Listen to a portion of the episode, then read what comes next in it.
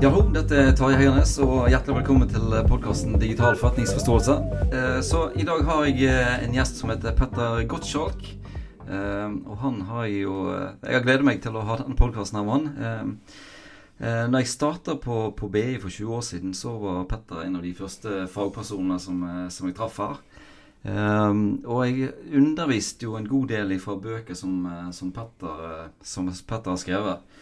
Blant annet har du denne her Eh, informasjonsledelse, IT-strategi, IT-kunnskapsledelsebedrifter, eh, electric, eh, nei, elektronisk forretningsdrift, heter den elektronisk handel? Ja, hva heter den da? Elektronisk forretningsdrift? Ja, ja. det var det, altså. Ja. Så jeg syns jo Petter er en veldig fascinerende fyr. Artig fyr. Eh, og jeg tror det, det, går en ganske rett sånn linje fra den der informasjonsledelseboken og til digital forretningsforståelse, som kommer, så kommer de senere. Så jeg eh, Samtidig som jeg, jeg likte boka og, og, underviste fra den, sånn, så, eh, så kunne jeg ane litt om, om, strukturen, eller måten de hadde skrevet den på, ble på en måte litt sånn mer tydelig for meg enn en andre lærebøker som jeg har, eh, som jeg har brukt. Så, så det syns jeg eh, det er jo en ting som jeg forbinder, forbinder med deg, eh, Petter. Også, ja, jeg fikk jo boken din og, ja. og fra forlaget, og det var jo en god del ting jeg kjente igjen. Ja visst. Det, det er referert til deg i, ja. i alle fall en gang. Altså. ja. um, og så er det jo um, uh, så er du en veldig uh, uredd fyr som uh, ikke er redd for kontroverser og sånne ting. Mm. Det syns jeg, jeg er spennende å, å, å følge med på. Så det som jeg tenkte vi skulle eh, begynne å prate litt om, da, det er jo eh, det her med, med kunnskapsledelse og knowledge management, som er liksom litt av den eh, de, de tingene som jeg husker deg best for, og som, som egentlig òg er vel det du har bygd den her politietterforskningen og kriminalitetgreiene på, på nå i, i nyere tid. Um, og så Et litt sånn artig fakta det er at det, jeg tror det, det er akkurat 20 år imellom oss. Og det er 20 år siden uh, vi traff hverandre. Okay. Så jeg er liksom på den alderen som du er nå. Nei, den alderen som uh, jeg er på nå, det var den alderen som du var på når, når jeg traff deg. Så, så, det er artig å se på den her uh, hva, som hva som ligger mellom 50 og, og 70 ja. i akademia. Det, det, det syns jeg er fascinerende. Men vil, har du lyst til å bare si litt om Hvis vi begynner å snakke litt om knowledge management, hva, hva er det for noe? Hva er en kunnskapsbedrift? Nei, altså det som, eh, det som, er spesielt, da, det er jo at kunnskap kan bare være ett sted, mm. nemlig mellom øra. Ja. Eh, og uansett hvordan enkelte dataleverandører definerer det, så med definisjonen at eh, med definisjonen av kunnskap, at kunnskap er informasjon koblet til interpretasjon, refleksjon og kontekst, det kan du bare få til i hodet. Mm. Og og, og, og, det er det fascinerende at du har altså et Vi er utstyrt med et fantastisk hode hvor vi har fantasi. Eh, vi er kreative. Vi er mye. Men, men, vi har veldig begrenset regnekapasitet i hodet, og vi har mm. veldig begrenset lagringskapasitet i hodet. Mm. Derfor blir det en utrolig viktig vekselvirkning mellom individet og systemer. Mm. Systemer er jo det som er laget på datamaskiner, er jo utgangspunktet ting som skal gjentas veldig mange ganger, eller som skal regne på veldig svære datamengder. Og, og over tid har det vært interessant å se på vekselvirkninger mellom hodet, altså kunnskapsarbeideren, og systemene. Fordi eh, det har var tidlig ble det tilrettelagt den ene veien. Fra systemer til hodet. Altså at du kunne, du kunne, spørre om ting og søke og finne og få og mm. sånn. Men den andre veien har alltid vært klønete. Ja. Fortsatt driver de fleste den andre veien via gulrøttene. Altså vi er utstyrt med ti gulrøtter, altså ti fingre. Ja. Og de færreste, når jeg spør studenter på BI, eh, de færreste kan touch. Ja. Så vi har fortsatt et sånn litt sånn kinkig eh, Det som kalles brukergrensesnitt i gamle dager. Mm. Nemlig mellom menneske og maskin. At vi egentlig eh, Og jeg har heldigvis gått på handelsgym, og der hadde vi maskinskriving i 1968. Jeg hadde touch når jeg gikk på, på uh, gymnas òg. Ikke sant? Det, det, er, det, er ja. det mest verdifulle jeg har lært. siden det faktisk fortsatt ikke har skjedd noe. Ja, helt enig. Men så har jo selvfølgelig det skjedd at, uh, at vi har fått utrolig mye etter hvert lagret og strukturert eh, digitalt. Mm. Og dermed så, blir, dermed så, er det relevant i dag å snakke om, om digital forretningsforståelse i den forstand at veldig mye eh, Det er blitt prosesser ikke sant? Mm. Arbeidsprosesser, det dukket opp som et uh, ord. Men i utgangspunktet så er, så er, altså kunnskap noe som bare finnes i individer. Mm. Men så begynte vi å snakke om kunnskapsbedrifter, da. Ja. Og det er bare en samling av kunnskapsindivider. Det er ikke ja. noe annet. Men så, så innførte man et begrep som het kunnskapsledelse. Det var egentlig ikke å lede kunnskap, men det var å lede kunnskapsarbeidere, få de til mm. å samarbeide. Mm. For det som er dilemmaet i kunnskapsbedrifter, det er at eh, jo, jo, mer spesialisert kunnskapsarbeideren er, desto mer penger kan de tjene. Mm, ja. Altså De dyktigste advokatene kan tjene jævlig mye penger, men de er jævlig spesialiserte. Ja. Eller du er professor på et universitet. ikke sant? Da, ja. da er det veldig spesialisert. Du kan, du kan, altså utrolig mye om utrolig lite. Det er en spesialist. Å kunne veldig mye om veldig lite. Det er ikke kjangs å kunne mye om mye. Så, så, men du kan kunne litt om mye. Mm. Eller mye om lite. Men du kan ikke kunne mye om mye. Nei, nei, det, det, går ikke an. Det går ikke. Og da kommer teknologien tilbake igjen. fordi at uh, når vi går inn i et spesialistsamfunn, og veldig mange organisasjoner er spesialistorganisasjoner, så, så blir det både det at det de jobber med, må de ha støtte til, men også for å kunne fungere sammen med andre. Få et mm. overlapp med dem rent kunnskapsmessig. Altså, du kan, du kan, ikke kommunisere med en annen som ikke skjønner hva du snakker om, eller du skjønner ikke hva han eller hun snakker om. Mm. Tenker du internt, eller tenker du ja, internt og Også i forhold til kunder. Ja. Sånn at teknologien i forhold til kunnskap er både på individnivå, mellom individer og organisasjonsnivå. Men kanskje mm. aller mest mellom individer. Mm. Fordi at vi, vi, vi kommuniserer ikke vi kommuniserer ikke særlig bra. Altså, vi har fortsatt, fortsatt, noe som er helt tullete. Vi har noe som heter møter. Ja. Hvor vi sitter og hører på folk sier noe vi visste fra før.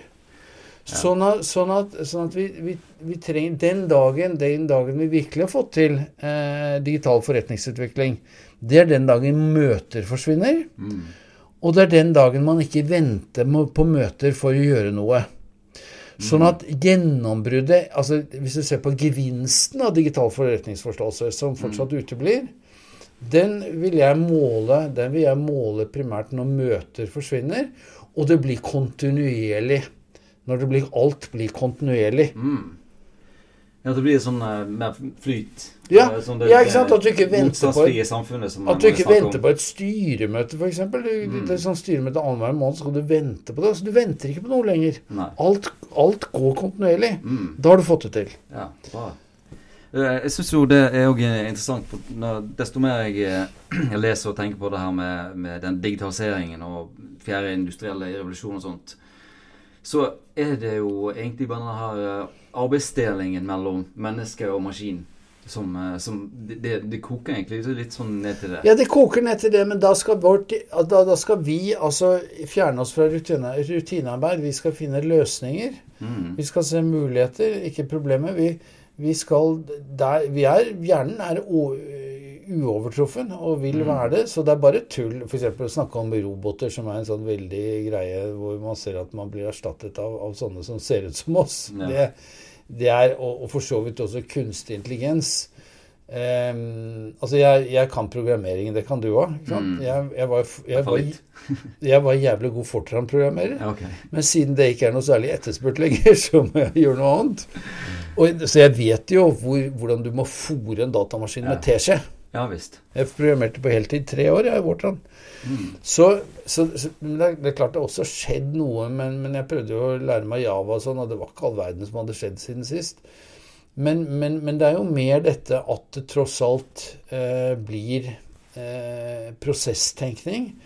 Det blir svære datamengder. Eh, men alt dette som kommer sånn som et big data, sånn, det blir liksom det blir det blir oversolgt. ikke sant? Og det ble mm. for så vidt Knowledge Management også oversolgt.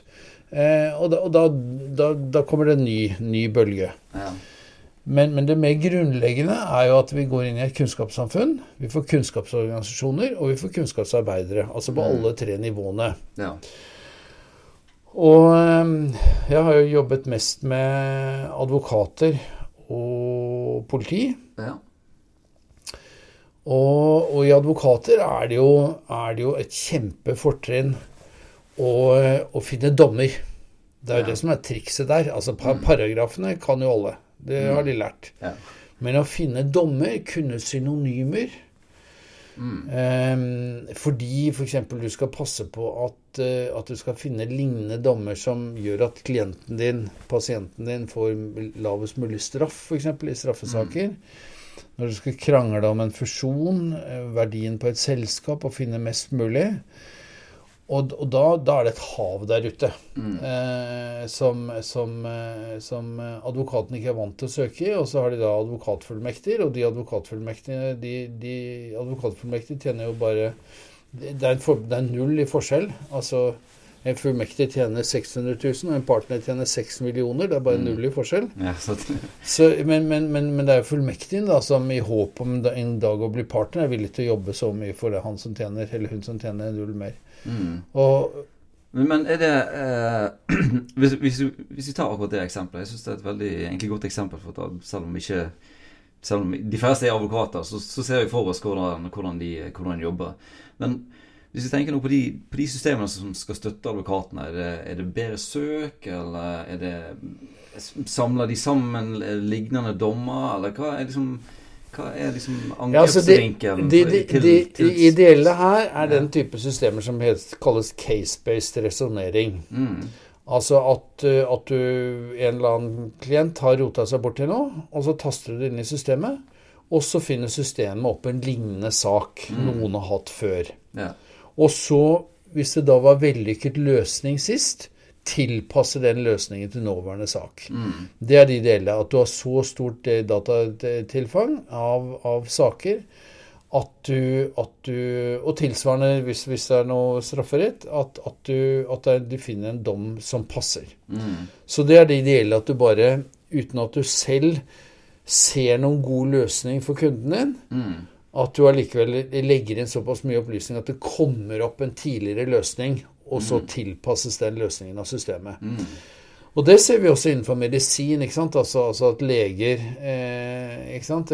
ikke, skjønner hva som feiler deg, og bare kan fortelle om, om symptomene. Ja. Og så kan systemet hjelpe med diagnosen. Mm.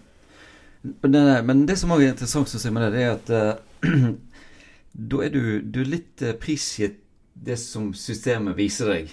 Ja. Så nå har akkurat denne jobben der med, med å, å, å, gjøre den sorteringen, og, og, de som bestemmer den sorteringen og alt det der, og jeg kan si i forhold til, spesielt i forhold til um, eh, politi og domsavgjørelser sånt, at, det, at, at det ligger som skjevheter inni, inni de dataene der.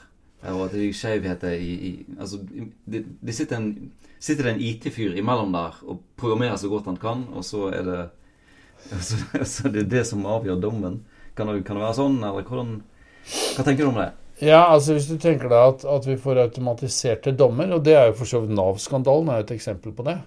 Ja, at, med automatiserte eh, dommer. Ja, det er for så vidt Egentlig er dette, mm. bortsett fra at det var en del manuelt innimellom, ja. så er det en automatisering. Mm. Og hvis du tenker deg da at La oss si at istedenfor at en eller annen i enheten Nav kontroll hadde gitt eh, Som nå gir det til politiet, og politiet går til domstol, og domstolen dømmer. Mm. Og innimellom har mennesker vært inni det. Men det der har vært så automatisk å bare hive naver i fengsel mm. at det er faktisk, faktisk er en fare, som du sier. Ja. Altså Den kunne vært automatisert. Mm. For den viser jo høringen i Stortinget i dag viser at ingen har tenkt. Alle har bare håndtert. Ja. Og da kan du bruke datamaskiner. Ja, sant. Ikke sant? Mm. Så, så, egentlig er det et sånn skrekkeksempel på automatisere det, men se hvordan det da går. Ja. Men hvordan kan, eh, men er, er, hvordan kan vi, Hva kan vi gjøre med det? si? Er, Nei, Det er jo dette grensesnittet mellom menneske og maskin. altså At du fortsatt må tenke sjæl. Mm. Altså Du må fortsatt reflektere over, over uh, premissene, over uh, Altså, et datasystem uh, må aldri fungere som en sort boks. Mm. At du putter noe inn, og så kommer noe annet ut, og så skjønner du ikke hva som har skjedd i boksen. Altså mm. Du må skjønne hva som har skjedd ja. i boksen, ellers ja. er det fare på ferde. Det, det er jeg enig med. Eh, så, sånn at eh, da, da, krever det jo egentlig litt mer eh, sånn systemforståelse. Da, ja, ikke sant? Det, det, ja, ikke sant? Fordi det det veldig ofte dreier seg om, er jo så det vi kaller algoritmer. Mm. Ikke sant? Hvordan ting regnes ut. Hvordan opplysninger bearbeides. Mm. Og det, og det, kan du ikke F.eks. nå i vår bransje, da, hvor det er veldig sånn frykt for plagiering. Mm. Så er det sånn det finnes et sånn datasystem som noen, noen, kolleger kjører, og så skal de ta studentene for plagiering. Mm. Det er ikke holdbart. F.eks. så kan det være at du får 30% plagiering fordi at litteraturlisten mm. er Litteraturlisten er den samme. Ja. Det er jo greit. Det er ikke plagiering. Du bruker samme litteratur. Mm. Og det er en kjempeforskjell hvis du tar to bøker, eller to, ta to artikler, forskningsartikler, og så, og så, gir den der datasystemet det, det er et datasystem som heter iAuthenticate. Mm. Og, og, det misbrukes rått. For da kommer det til å 30 ved plagiering fra en annen. Hvis det da viser Men du må gjøre den kval, kvalitative vurderingen. Hvis det er primært litteraturlisten, hvis det er primært innledningen, så er faktisk 30 greit. Mm. Men hvis det er selve funnene analysen. Ja. Da er du som forsker eh, bør slå opp eh, på Finn etter ny jobb. Ja, Ikke sant? Så, så, så, så jeg syns egentlig, som et eksempel på en sånn sort boks, som overraskende mange av våre kolleger bruker, mm. for så å ta studenter eller påstå noen om andre at de plagierer, den kvalitative vurderingen, altså det at du har forstått hva som er blitt sammenlignet mm. Ja, for det, det, det syns jeg er interessant. Men sånn som jeg bruker det, for det kommer jo opp når jeg retter eksamen og sånt, så, så ja. står det at uh, her er det 12% eller 15% Ja, hva gjør du? Uh, da klikker jeg meg inn på. Ja, du må og så, se. Og så ser jeg at ja, ok, her har de to like litteraturlister. Nettopp. Ja, da er det greit. Her er det en som har uh, et avsnitt som, som, man, som, som har sitert fra en artikkel som er på nettet. Ja. Ja, da er det greit. Da er det greit. Men hvis jeg Jeg hadde ikke sjanse til å, å, å Hvis jeg retter 30-40 oppgaver. Jeg har ikke sjanse til å, å, å, gjøre den slutningen sjøl. Men når de blir forhåndsrotert til meg og sier at okay, ja, nettopp. her er det her 50 vi. her er 20 Der ser du nettopp. Så det er et ja. veldig godt eksempel på menneskemaskin, altså kunnskapsarbeideren. Ja. Mm. Men det er overraskende mange som, som uh, i denne bransjen uh, bare tar tallet 20 mm. og beskylder noen. Går til angrep. Ja, det gjorde ikke sånn. Nei, Nei. men det er, det er sånn digitalisering? Det er det som er faren ved digitalisering. Ja, ja, Når du ikke skjønner hvordan systemet fungerer. Du og jeg skjønner det. Mm. Og, og, jeg er blitt tipset om ting, at mine ting er blitt misbrukt og sånn. Og så har jeg bedt om å få se, få se hva, hva, er det Ikke sant? Og jeg skjønner datasystemet. Mm.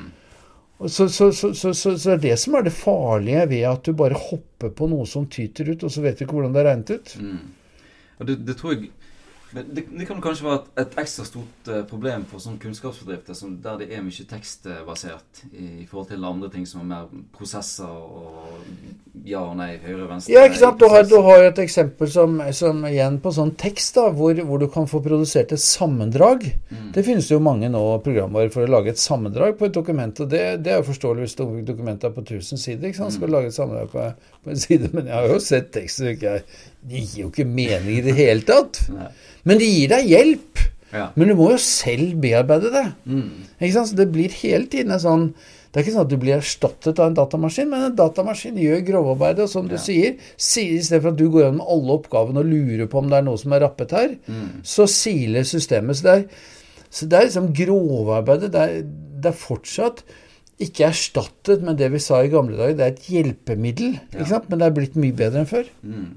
Jeg ser jo at det, sånn som Google Translate og sånt, det er blitt eh, ja. ganske bra. Ikke sant, men det må også passe på ja, Du kan ikke bare klippe det inn i Nei. Så, hvis du har 30 sider, så kan du eh, Så kan du først ta Google Translate. Ja, kjempefint. Så leser du gjennom. Kjempefint. Og så må du omformulere og, ja. og, og, og, gjøre til mening. Må gå gjennom og bare sette Men det er jo, eh, men det er jo, det er jo mye arbeid spart likevel. Veldig. Det, Veldig. Det, Men det er ikke digitalisering i betydning av automatisering, og det er Nei. ikke digitalisering i betydning å erstatte mennesker helt. Mm. Men det det krever, er jo selvfølgelig at de som drev bare med rutinearbeid, de har vi ikke bruk for. Men de som fortsatt forstår, har noe kompetanse på dette. Mm. Og kompetanse er kanskje et enda viktigere ord enn kunnskap. Mm. For kompetanse er jo summen av kunnskaper, holdninger, evner og ferdigheter. Mm. Og det er det du må ha når du bruker den type hjelpemidler. Mm. Det er viktig. Og, og, i tillegg så er det jo òg eh, Det er jo en ting som ikke så mange snakker om, men i GDPR så står det jo faktisk at uh, du ikke kan Du kan ikke ha en black box. Altså du kan ikke ha svarte bokser. Du må kunne forklare hvorfor en eh, beslutning er tatt. Akkurat. I for f.eks. et banklån. Ja. Så nei, det algoritmen sa det. Det, ja, det holder ikke. Nei, det holder ikke. Du, du har rett. Ja. Eh, men da kommer vi inn på dette jeg diskuterte i en podkast før, det at eh, postnummeret ditt kan ha innvirkning i hvordan denne algoritmen eh, regner ut sannsynligheten din for å betale tilbake ja. lån eller ikke. Da får du òg et lite sånt problem. Eh, jeg husker jo selv da, da, jeg første gang bestilte en bok på nettet. Mm. Og så sto det jeg måtte forhåndsbetale, unntaket med noen eh, postnummer. Da behøvde du ikke. Da kunne du få giro i posten. Ja. Og jeg bodde i 0267, og en av de få postnumrene i Norge hvor det var greit å få boken først og betale etterpå. Ok. wow. Um, ja um, Vi har jo vært litt inne på det her nå. Det, litt den her rollen i dagens digitalisering har vi vært uh, inne på nå. At, vi, at uh, du må faktisk ha en forståelse av hva som skjer i systemene for at de skal kunne avlaste deg på, på den rette måten. Um, hvis du er en leder for uh, en sånn uh, kunnskaps, uh, kunnskaps- og kompetansebedrift. Hva, hva, er, hva, er, gode tips da? Nei, altså det, det, er definisjonen, Den gammeldagse definisjonen som faktisk mange fortsatt følger, dessverre, det er jo at ledelse er styrt samspill mellom mennesker for å oppnå resultater som innfrir organisasjonens mål. Mm. Ledelse er styrt samspill mellom mennesker for å oppnå resultater som innfrir organisasjonens mål. Det som gjelder nå, det er ledelse, er tilrettelegging for at hver enkelt kan bidra til å nå organisasjonens mål. Så den store forskjellen er å bytte ut ordet styring med ordet tilrettelegging. Ja. For du må, når du driver med kunnskapsarbeid, ha helt andre frihetsgrader. Du, du skal ikke ha noen leder lenger som En leder kan si hva du skal gjøre, men aldri hvordan. Mm. Det, skal, det, det, er det som er hovedutfordringen ja. i um, Du kan definere et mål eller en oppgave, men aldri hvordan det skal gjøres. Mm. Og, og, og, kunnskapsarbeidet finner fint ut av det fint ut av deg selv. Ja. Hvordan det skal løses. Mm. Og når det skal løses. Og med hvem det skal løses. Ja. Det er ikke noe, så vi, vi har egentlig ikke behov for veldig mye ledelse, annet enn at at de i hvert fall ikke ødelegger for deg når du prøver å gjøre jobben. Det finnes en del ledere som heller ødelegger enn å hjelper. Mm. Og du skal tilrettelegge. Mm. Det, ja, men, og du skal tilrettelegge selvfølgelig av mellommennesker Ideen er jo at én og én pluss én skal bli mer enn to. Det er derfor det er en organisasjon. Mm.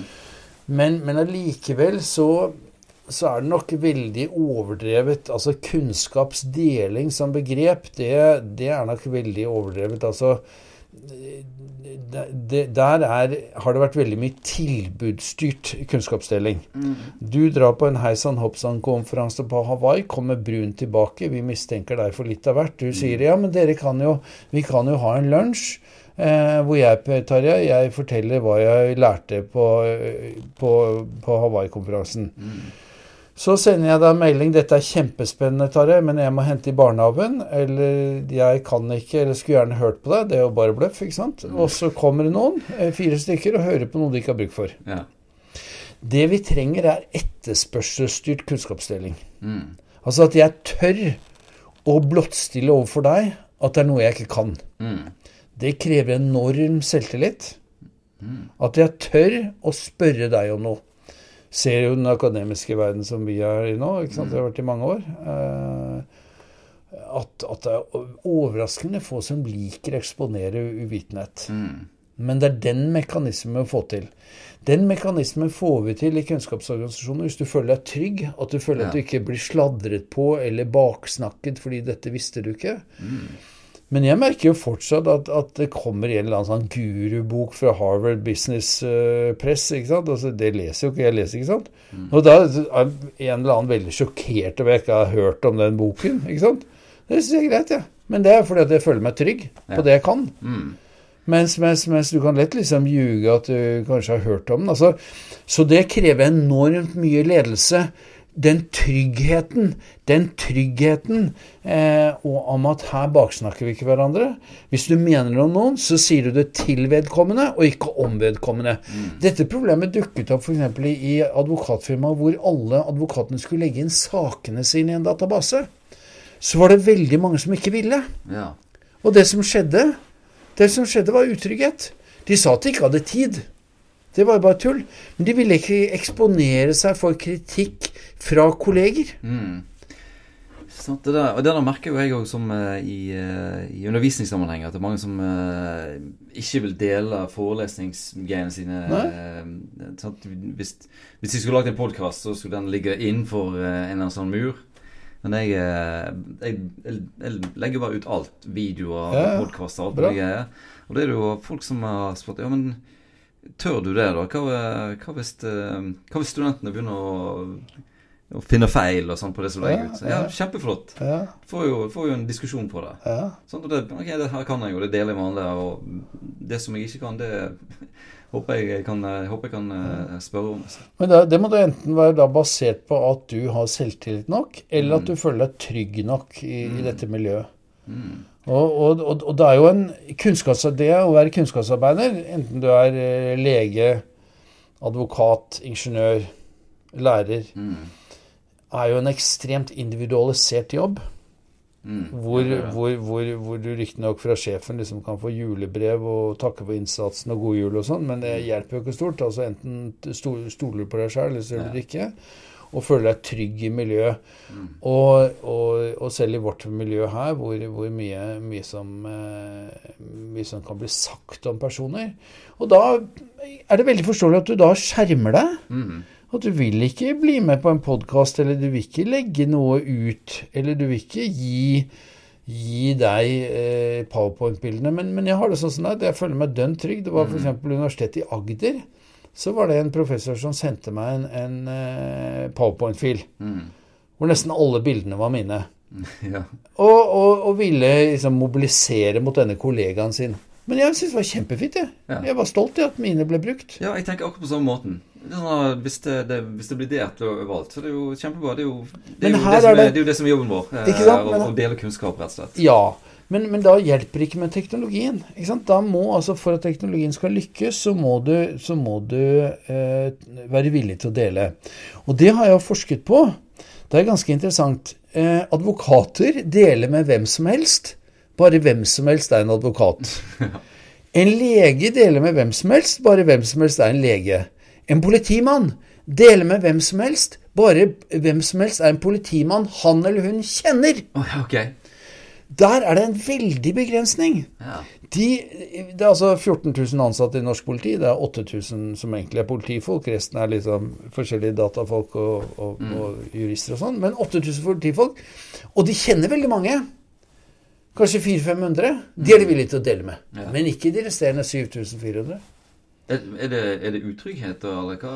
Ja, man blir liksom kjent med hverandre. Man har kjørt bil sammen, eh, man har hatt saker sammen og sånn. Og nei, det er flere Nei. Det, det, er jo også utrygghet, men det er også litt sånn dette, dette rare perspektivet i politiet. Dette need to know-perspektivet. Ja. Men, men, du kan jo ikke etterspørre opplysninger du ikke vet om. Nei. Altså, Det er dønn umulig. Nei, det er sant da. Så, så, så, så de, de, har et kjempeproblem i politiet. Mm. Det er jo derfor trikset ved å være kriminell, det er å være omreisende kriminell. Ja.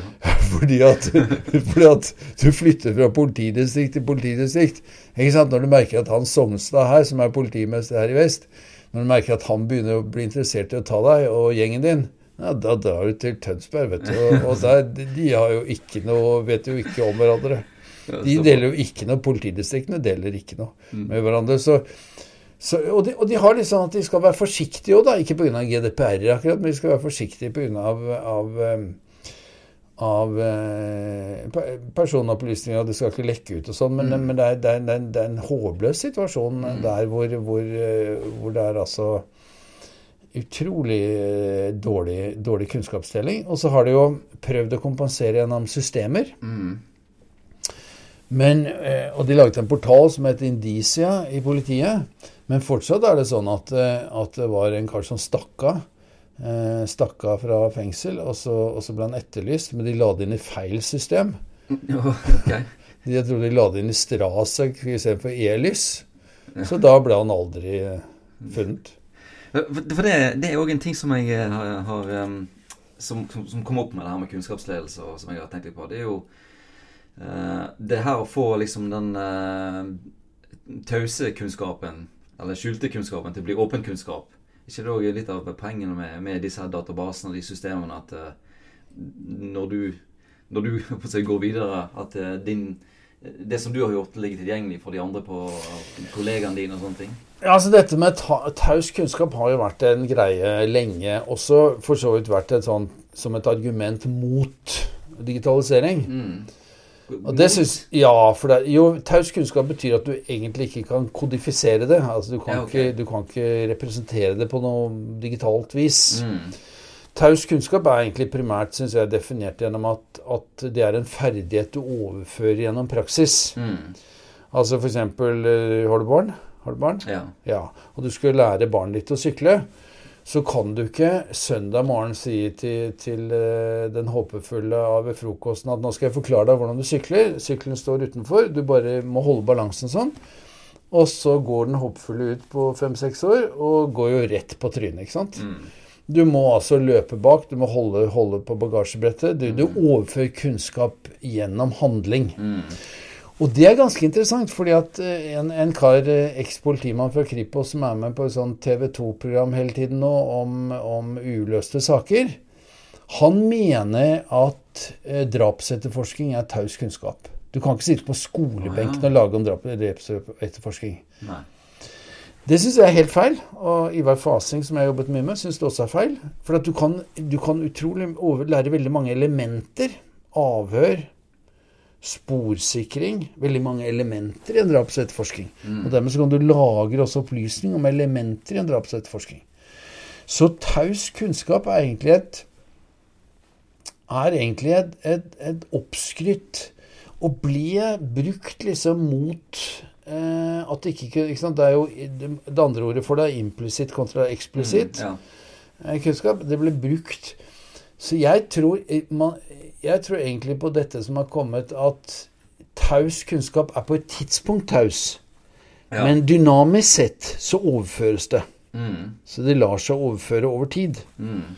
Eh, så, så men, men noe av det må jo la seg kodifisere ja, som tekst ja. eller bilde? Nei, men alt, kan, alt, kan egentlig, alt kan egentlig eh, kommuniseres. Mm. Eh, så, så det der, der jeg, jeg, tror egentlig dette, det med taus kunnskap var, var, var, et blindspor, altså den tankegangen. Ja, ok. Så det Ja, så alt som, alt som er ja, Alt kan du få ut, altså. Ja. Eh, alt kan du få ut gjennom, gjennom eh, snakke, gjennom vise, gjennom mm. gjøre. Mm. Det, men det, den uh, definisjonen av taus kunnskap, da blir jo det nesten en sånn black box, en ja. menneskelig blackbox. Ja, det er det på samme gjør, måte som, uh, som, systemene kan være blackbox. Ja. Du må, du må prøve å få kodifisere og skjønne hvordan de tingene ja, fungerer. Og, og, og, og taus kunnskap dukket jo opp veldig tidlig, hvor man sa at du, du, hadde liksom valget mellom å kodifisere alt og kontra bare en database som viser hvor du kunne finne kunnskapsarbeidere. Mm. Det, var det, det, var jo kodifisering kontra personifisering, ble det kalt, den klassiske artikkelen. Mm.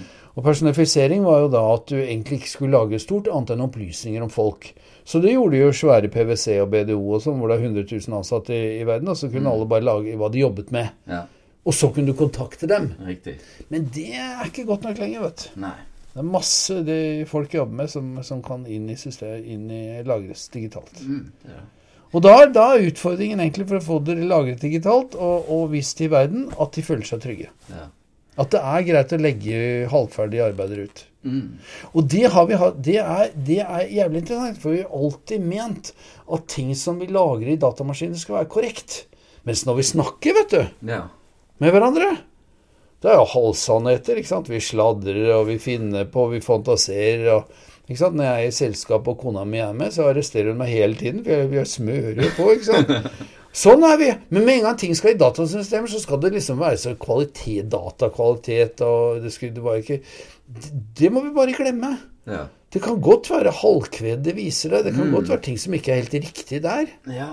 Det er litt sånn at du, du, du, tømmer ut det som du tenker på ja, i, i datamaskinen. Det må det være riktig, så, akkurat så er det iallfall ja. en slags repetisjon for, for, for, det der. Altså, og der har vi en veldig sperre fortsatt. Liksom, det må, må være riktig det vi legger inn i og mens, vi, mens når vi snakker, og når vi, da er det mye rart, altså. ja, det er sant, det. Vet du hva, Petter? Jeg eh, tror vi kunne snakket i timevis. Ja. Men uh, vi er kommet opp i en uh, god lengde på denne episoden her nå allerede. Okay. Så um, uh, jeg syns det egentlig var en bra avslutning der med at det er Vi nærmer oss kanskje altså Dette med kunnskapsbedrifter og kompetansebedrifter blir mer og mer viktig. Etter hvert som de rutineoppdragene blir gjort mer av datamaskiner, så trenger vi noe som tilrettelegger for kunnskapsarbeidet. Mm. Og en del av tilretteleggingen er jo de systemene som forteller at her er det 15 eh, eh, overlapp med en annen. Det er 15% plagiat. Og så går jeg rundt og ser på det, i stedet for ja. at det er jeg som må finne det ut av. Ja. Og så det siste, det siste tingen som eh, jeg syns òg er, er, veldig bra, så vi tar med oss, det er jo det her at som leder i den bedriften her, så må du skape trygghet for at folk kan dele alt som de har, med alle.